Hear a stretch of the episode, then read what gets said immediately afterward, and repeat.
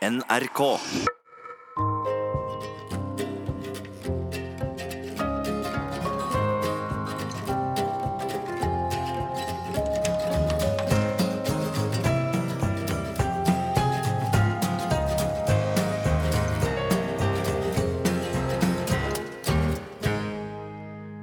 Jeg heter Andreas Ilebekk, er komponist, pianist, sanger, programleder, skribent, regissør, idéutvikler og en generelt eventyrlysten nysgjerrig-Per som har brukt de siste årene på å farte verden rundt. Jeg har bodd på stranda i Los Angeles, intervjua Ossie Osborne, opplevd hvordan det kjennes å på nært hold bli stirra dypt i øynene av Cameron Diaz. Jeg har dykket inn i Los Angeles' kriminelle underverden og fattigstrøkene i New Orleans. Jeg har så vidt avverga slåsskamp mellom en bitte liten og en meget overvektig Elvis-imitator, og utdanna meg til julenisse ved USAs mest prestisjetunge nisseskole, eller The Harvard of Santa Claus Schools, som de kaller det. Jeg har dekket politikk, terror og katastrofer, jeg har sett verden på sitt mest håpløse og forkvaklede, men jeg har også vært en skamløs livsnyter, som programleder for reise- og matprogrammer, sett verden fra sin vakreste og mest inspirerende side.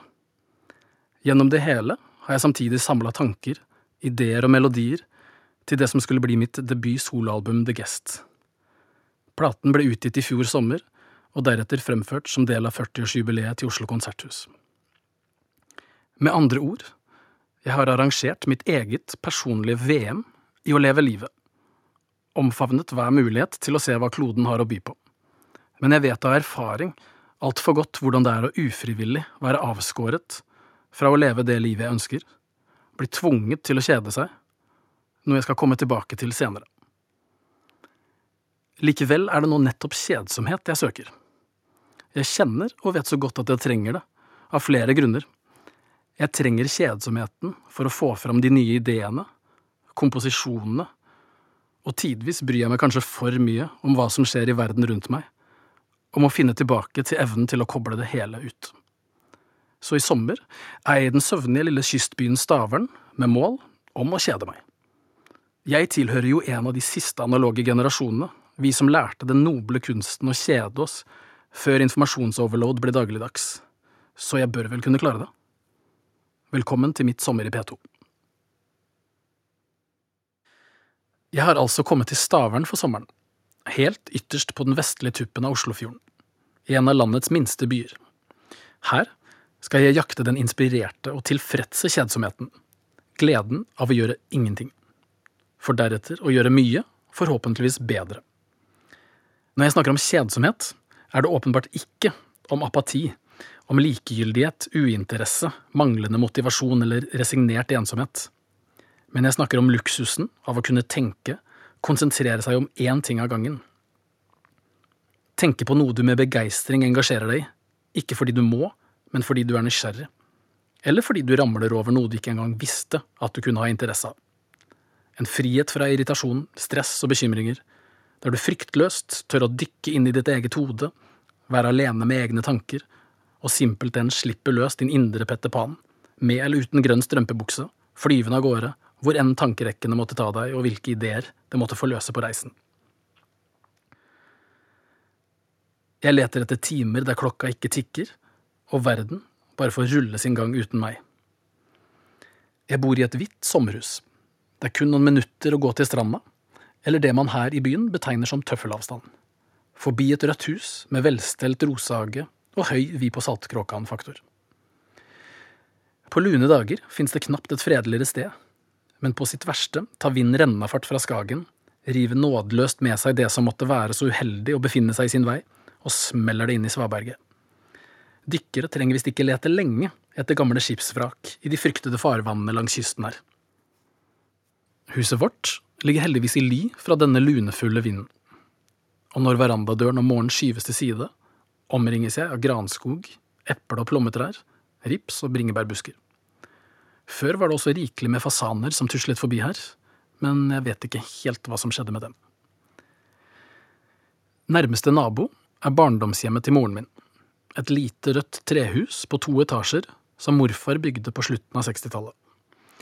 Der tilbrakte jeg stort sett alle mine barndoms somre. Jeg ble født i Oslo, men da jeg var seks år, flytta familien min til Hamburg, og deretter til San Francisco. Norge var derav et sted jeg i stor grad forbandt med nettopp smått eventyrlige juliuker i Stavern. Et liv i den gylne triangel mellom kiosk, fotballbane og strand. Mormor var en ivrig hobbykunstner som nesten daglig satte opp maleverksted for meg, broren min og store deler av nabolagets miniputter. Men tomrommet mellom høydepunktene var det opp til oss selv å fylle med innhold. Hyttebygging, detektivbøker, musikk og tegning. Det var en naturlighet i det å underholde seg selv. Det eneste jeg kan huske å oppfatte som kjedelig, var lange bilturer, og når middagene med storfamilien skled ut i det uendelige. Der finner jeg mine første minner av det å sone helt ut. Slekten min er nemlig mildt sagt snakkesalig, og ytterst opptatt av andres ve og vel. Ikke det man i Andeby ville kalt snushaner, men storhjertede, oppriktig interessert i andre mennesker. Middagene kunne dermed litt for ofte utvikle seg til rene oppsummeringsmøter for lokale lidelsesnyheter. Har Oddvar fått blærekatarr? Igjen? Å nei. Men hvordan går det med menisken? Om det nå påførte deg lidelse å høre meg, oppvokst i utlandet i mitt håpløse forsøk på sørlandsdialekt, kan jeg love deg at de endeløse middagene påførte meg og broren min enda større lidelse. For det var knapt noen som kunne vrikke ankelen på Sørlandet uten at skaden ble omhyrlig diskutert ved middagsbordet vårt, og det kom aldri på tale å gå fra bordet. I ettertid sier jeg selvfølgelig takk og pris for det, for det var slik jeg lærte å kjede meg, ved å utvikle evnen til å sjalte det hele ut, forsvinne ut i en fantasiverden der hodet kunne utforske alle de tankene som faktisk opptok en liten pjokk. Men for å klare å kjede meg i 2018 kreves det også at jeg klarer å koble ut alt det som jeg faktisk interesserer meg for, og som konstant roper på min oppmerksomhet. Dette er Sommer i P2. Jeg heter Andreas Ilebekk. Jeg er komponist og pianist. Og jeg har lenge interessert meg for kreativitet. Blant annet fordi jeg ønsker å forstå mitt eget hode. Hvor ideene kommer fra, og hvordan jeg fungerer optimalt. Egenstudiene er tydelige. Jeg legger best mulig til rette for egen idéskaping ved å lese bøker, høre musikk, se film, reise, være fysisk aktiv, ha et rikt sosialt liv, der jeg spiser og drikker godt, og får utfordra egne meninger og oppfatninger ved å omgi meg med mest mulig forskjellige mennesker, for så å trekke meg helt tilbake, gå turer, være alene og gi hjernen min et uforstyrra rom til å prosessere inntrykkene. Forskning og vitenskapshistorien underbygger mine egne erfaringer. For er ikke sivilisasjonen vår nettopp et resultat av at oppfinnere, tenkere, forskere, designere og kunstnere har forstått at de virkelig gode ideene er avhengig av både stimuli og fravær av det? Den uforstyrrede kjedsomhetsmodusen, der hjernen settes i frigir og lar underbevisstheten gjøre jobben med å skape nye koblinger. Jeg forelska meg i alle storbyene jeg bodde i. Oslo, Hamburg, San Francisco og Los Angeles. Pulsen, energien, det enorme tilfanget av kulturer, smaker, musikk. Metropoler fulle av møtepunkter for idéutveksling mellom all verdens karakterer. Samtidig kjenner jeg at hodet jobber på en helt annen måte når jeg kommer til et sted som for eksempel Stavern. Dette slo meg virkelig den gangen jeg under musikkstudiene først reiste hit for å jobbe med en eksamensoppgave. Med sommerhuset fullt av bøker, rikelig med alenetid ved piano og lange daglige turer langs kyststien, begynte det å dukke opp en type ideer som i hvert fall jeg aldri får når jeg går ned Torvald Meyers gate. Sammensatte ideer, de som må utvikle seg uforstyrret over tid. Men uansett hvem jeg snakker med nå, selv her i Stavern, så hører jeg det samme. At vi ikke kjeder oss lenger verken i storbyer eller fiskelandsbyer. At det er for fristende å simpelthen hoppe videre til neste TV-serieepisode, eller gripe til telefonen, der dagliglivet til hundre eller tusenvis av bekjente og venner venter. Hele verden alltid med deg i lomma, inkludert et nyhetsbilde som daglig overgår den mest absurde satire som selv en samlet komikerelite på fleinsopp kunne komme opp med. Det sikreste kortet mitt for å gi hodet litt fri og en boost, det er et bad. Her i Stavern bader jeg daglig på samme strand som i barndommen. En smått bortgjemt liten lagune, der trærne vokser seg stadig nærmere inn på sandstranden og omkranser den som en halvmåne. Selv med furu, lønn og alm dannes en nesten tropisk atmosfære. Det er for langgrunt og steinete til å bade fra selve stranden, så dukkerten foregår på nærmeste odde. Vannet er fortsatt det vi kaller friskt. Etter avkjølingen senker jeg kroppen ned i sanden, blant tang og småstein, slik jeg har gjort hundre ganger før. Som barn fantes det vel knapt noen bedre følelse enn å bli lomperullet inn i et håndkle og tilbringe tørketiden på fanget til en bestemor eller bestefar. Ikke én bekymring i hodet, annet enn spørsmål relatert til kiosk og størrelse på is. Det å være på denne stranden gjenskaper faktisk noe av den samme roen. Det er godt å være her. Sola steker, jeg har kaffe på termosen, bok i veska, og til og med unnet meg å ta med campingstolen til foreldrene mine, med innebygget tørkestativ for den dryppende badebuksa. Jeg har gjort alt riktig, tatt kosen på alvor. Jeg drar fram boka fra sekken og skal akkurat til å helle en kaffeslurk, men hva er det jeg ser? For en underlig gresstust, og hva med disse oransje steinene? Og den råtne tangen der ligner da mistenkelig på frakken til i løpet av få minutter har jeg montert et lite kunstverk i sanden. Et stein-, tang- og gresstustportrett av Donald Trump og Kim Jong-un, som holder hender i felles atomjubel. Estetikken er riktignok diskutabel, men bildet får god mottakelse når jeg poster det på Instagram og Facebook.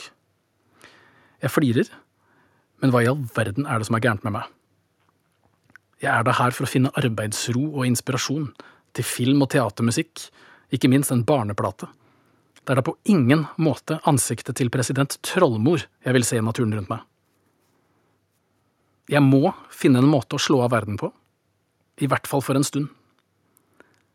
Jeg legger telefonen igjen hjemme og tar føttene fatt langs kyststien ut til det høyeste punktet på Rakke. Her serveres øyet horisont, ispedd kilometer med dramatisk natur, småøyer, klipper og fyrtårn Ofte har jeg den britiske komponisten Fredrik Delius på øret når jeg har gått ut hit. I fjor kom biografien Delius and Norway, og da oppdaget jeg at komponisten faktisk tilbrakte flere somre her, den gangen Stavern fortsatt het Fredriksvern. Delius var venn av både Munch og Grieg, og det siver tydelig ut av musikken hvor stup forelsket han var i norsk natur. Han bodde på gamle, ærverdige Hotell Vasiljov inne i selve byen, hvor han omgikk de mange Kristiania-kunstnerne som kom hit om sommeren. Men jeg tipper at denne ivrige turgåeren jevnlig må ha vandret ut hit på Rakke.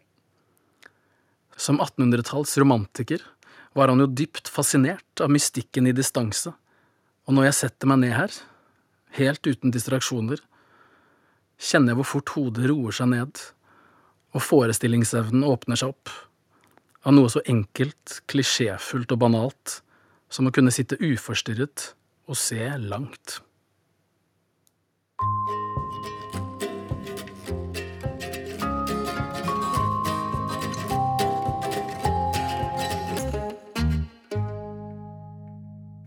Jeg sitter på det høyeste punktet på Rakke. Telefonen har jeg lagt igjen hjemme, full som den er av fristelser, underholdning, SMS-er fra Oslo kommune om vanningsforbud og brannfare, samt nyheter om utilregnelige verdensledere som jeg helst vil glemme. Der inne, i telefonen, kjemper hele verden om min oppmerksomhet, mens alt jeg ønsker meg, er noen nye ideer og å skape min egen eventyrverden. Her jeg sitter, er det ikke vanskelig å forstå at en av våre største oppdagere og annerledestenkere hadde nettopp Rakke som sitt faste utkikkssted den unge Thor Heyerdahl kom hit for å dagdrømme mens han speidet ut mot Skagerrak og verden.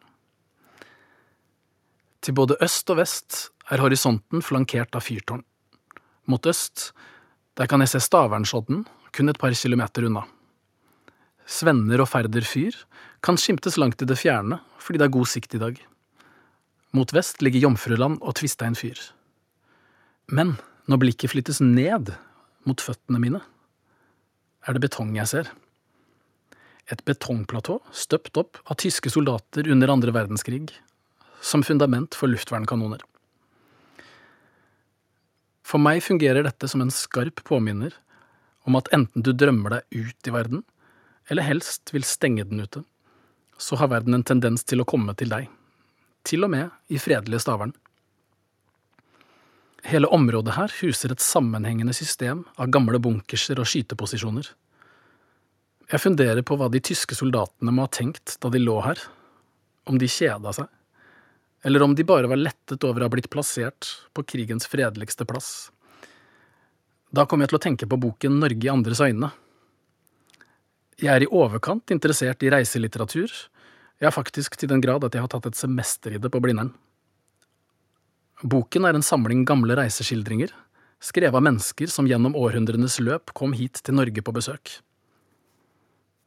Hjemme igjen blar jeg opp i boka og finner en tekst skrevet i 1779 av naturvitenskapsmannen Johan Christian Fabricius, som var på besøk fra universitetet i Kiel. Han skriver Norges innvånere hører ennå til de få lykkelige i Europa. Avsondret fra andre land, ved ugjennomtrengelige fjelleiner, lever de i en glad ensomhet, fjernt fra de nyere tiders utsvevelser og laster. Derfor har de ennå bevart fedrenes dyder, ærlighet, gjestfrihet, tapperhet, måtehold, og som følge derav legemlig kraft og muntert sinn. Først stusser jeg litt over om dette er noe av den norske historiefortellingen som har gått meg hus forbi, for er det noe jeg ikke nødvendigvis forbinder med våre 1700-tallsbønder, så er det lykkelig ensomhet og muntre sinn. Men han beskriver Norge som lykkelig i sin isolasjon, og i likhet med mange andre har jeg lenge fundert mye på nettopp hva det gjør med oss i dag å få all verdens nyheter og sosiale oppdateringer trykket imot oss, og vår evne til å være fullt og helt til stede. For mesteparten av menneskets utviklingshistorie har våre forfedre tross alt knapt visst noe om dagsaktuelle tragedier, før en eller annen hissig krigerstamme angrep leiren din, og du selv ble en del av det elendige nyhetsbildet. Leser du Asbjørn Bakkes nye biografi om Erik Bye, finner du at vår gamle landshøvding gnagdes av denne tematikken allerede med lanseringen av fjernsynet for over et halvt århundre siden. Selv med kun én svart-hvitt-kanal som i tillegg sendte pauseskjerm store deler av døgnet, mente han da at det vel kommer et metningspunkt der folk ikke tåler mer elendighet. Nå, når vi har TV til å bringe nøden like inn i vår stue, har vi den langt opp i halsen. Men Bakke oppsummerer samtidig bys filosofi som følger. Alle mennesker på jorda lever i et gjensidig avhengighetsforhold, selv om de ikke kjenner hverandre. Derfor var det hans sak hvordan folk hadde det i Ytre Enebakk, Finnmark eller Nigeria. Vi kan selvfølgelig ikke bare stenge alt ute, for i den totale uvitenhet ligger jo mest av alt potensialet for isolasjon, stagnasjon og frykt, som livredde pyser, fulle av angst for alt det ukjente, som muligens, kanskje, skrekk og gru kan vente oss bak neste busk.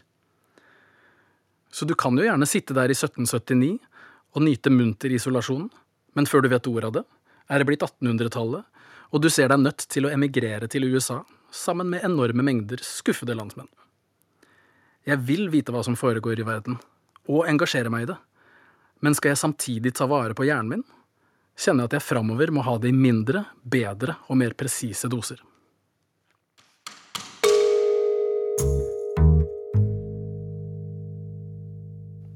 Jeg heter Andreas Ilebekk, og i mitt sommer i P2 prøver jeg intenst å kjede vettet av meg.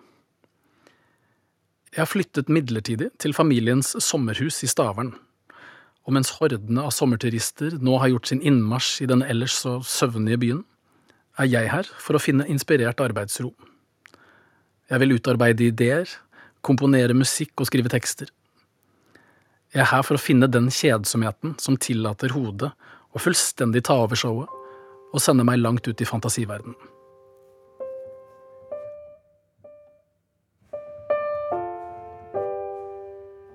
Det er tidlig formiddag, og jeg sitter ved piano. Et brunt Jacob Knutsen-piano, produsert i Bergen på midten av 1950-tallet. Et arvestykke etter min grandtante Else. Tangenten er godt, men pent brukt, og det skal kun et lite trykk fra fingertuppene for å fremstille myke, runde og varme toner.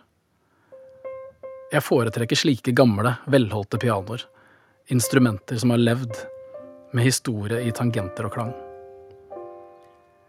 Vi er midt i det som tilsynelatende er tidenes norske sommer, og jeg har satt stuedørene på vid gap. Lyden av instrumentets filtdekkede hammere, som treffer strenger, bæres rett ut i skogen, og til eventuelle naboer som måtte overhøre hva jeg sysler med.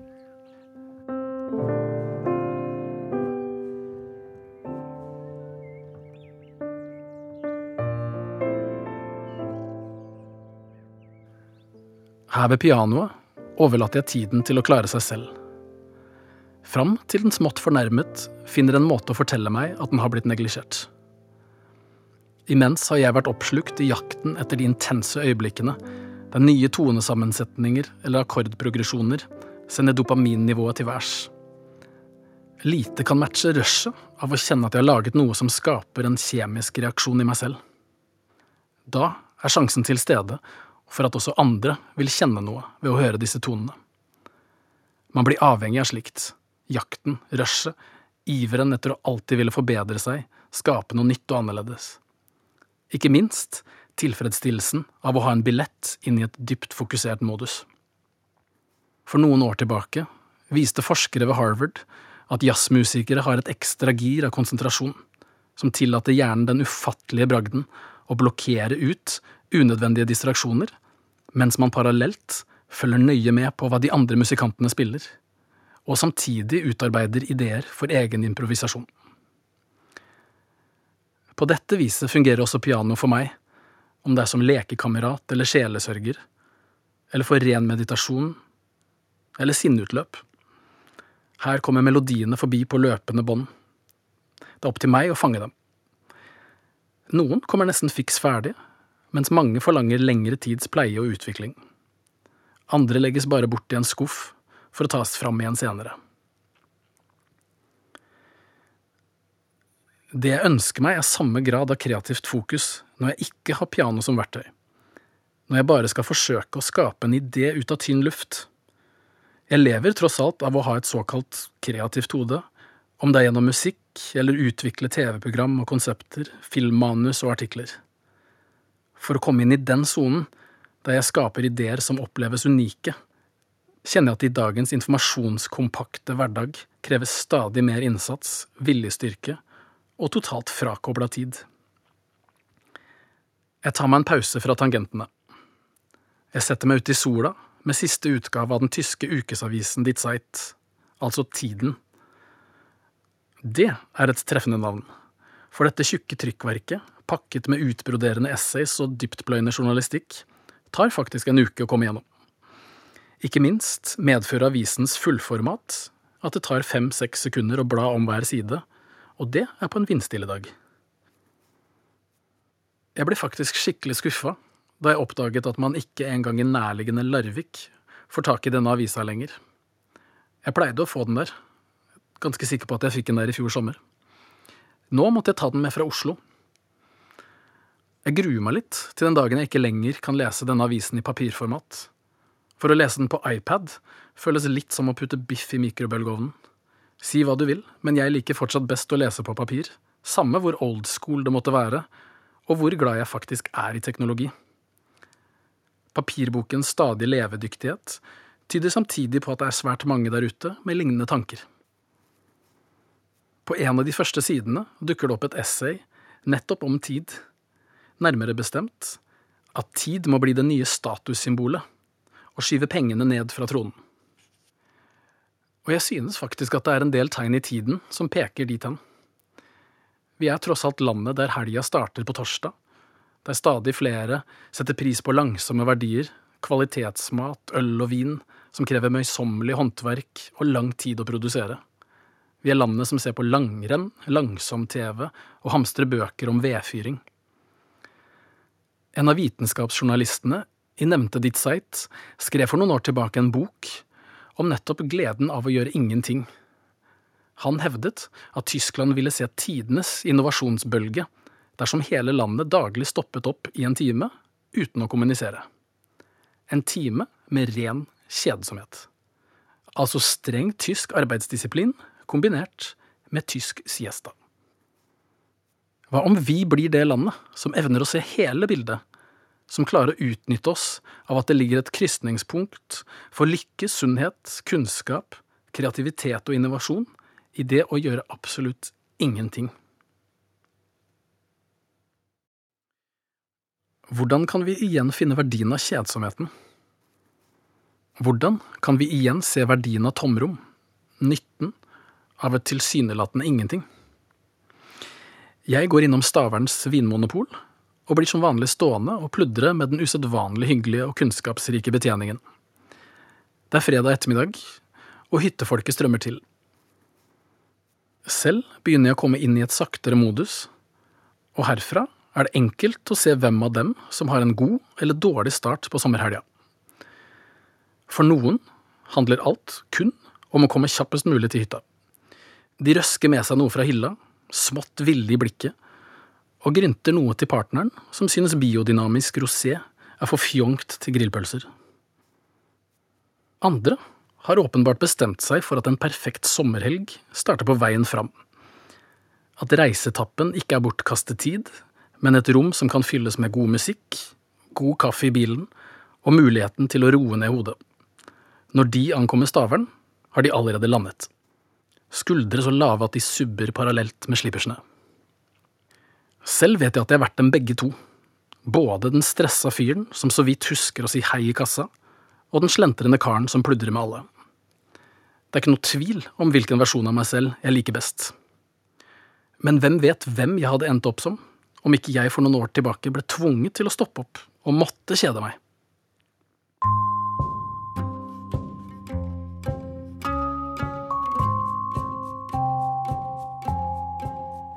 I fjor sommer ga jeg ut mitt debutsoloalbum The Guest. Men veien dit var lang. Den startet for mange år siden, da jeg satt alene ved piano og fikk en følelse av at jeg var på sporet av noe spennende, melodier og klanger som kunne bli til noe nytt og annerledes. En god og produktiv tid. Men så, fra en dag til neste, snus livet på hodet. Jeg blir syk og må legge musikkstudier og karriereambisjoner på hyllen leve i uvisshet om jeg vil kunne spille piano igjen, eller i det hele tatt overleve.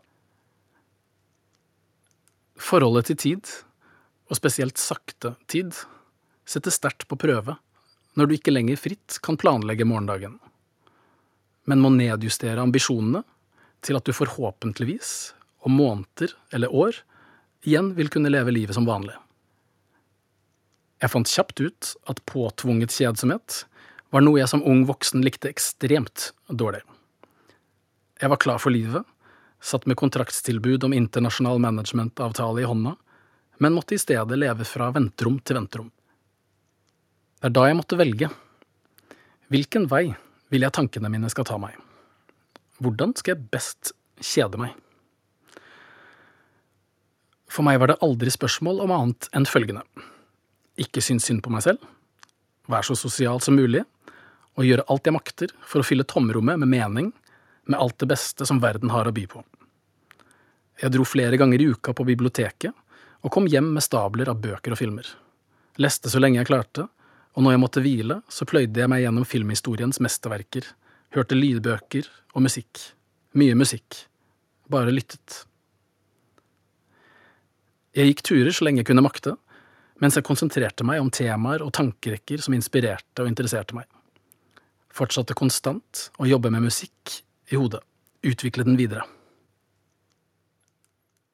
Men så forverret sykdommen seg, og det var først da jeg på det aller verste lå alene i sykesengen, forberedt på at jeg kunne komme til å måtte ta avskjed med menneskene jeg er glad i, da ble kjedsomheten virkelig min beste venn.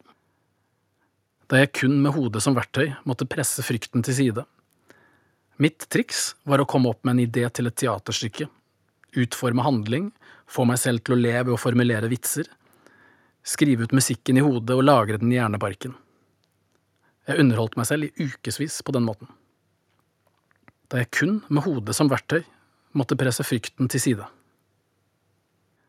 Når jeg ikke gjorde dette, benyttet jeg tiden til å se for meg alt jeg skulle gjøre, og hvordan jeg ville leve livet den dagen jeg ble frisk. Jeg var heldig, for her er jeg. Jeg har ikke så mye å vise til fra den tiden. Et stort hull i CV-en, blottet for de enheter vi så gjerne måler produktivitet og hverandre etter i dag. Men har tomrommet mitt en annen verdi?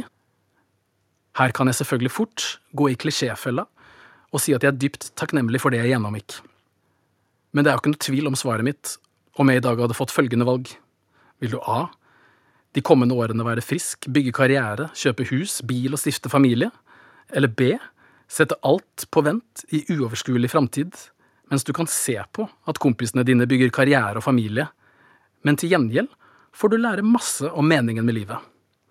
Tja…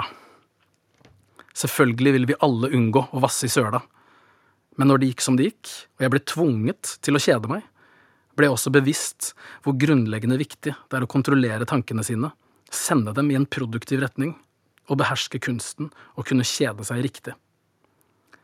I det å virkelig måtte stoppe opp og stille meg noen av de spørsmålene som vi ellers helst sparer til nachspiel, fant jeg forhåpentligvis en bedre og mer empatisk versjon av meg selv. Jeg ser verdien av å gi ting tid, og det gikk lang tid fra da jeg ble frisk, til jeg var klar for å gi ut debuten min The Guest. Men musikken var med meg hele veien, utviklet seg gjennom hele perioden. Og jeg håper at noe av den meningen som jeg fant i mine usynlige tomrom, kommer til uttrykk der. At lyttere både kan høre et levd liv og en glede over å fortsatt være med på festen videre. Om noen lyttere til og med skulle stoppe opp og stille seg noen av de samme spørsmålene, er det noe som bidrar til å gi den tiden en verdi for meg. Og så er jeg selvfølgelig grenseløst takknemlig for det livet jeg har fått leve i ettertid, fordi jeg klarte å bruke kjedsomheten riktig. Ukene her i Stavern har gått sin skjeve gang. Jeg har lagt bort mobilen med jevne mellomrom, men verden har ikke forsvunnet fra meg, og jeg bryr meg fortsatt. Jeg oppsøker folk og steder, og jeg undersøker. Og jeg har så visst ikke lagt livsnyteriet fra meg. Men det er i tomrommene, den ufylte tiden, sånn som nå, når jeg lukker igjen Mac-en, lukker dette radioprogrammet og lukker munnen, da åpner hjernen seg opp, og jeg forsvinner ut dit hvor magien forhåpentligvis venter.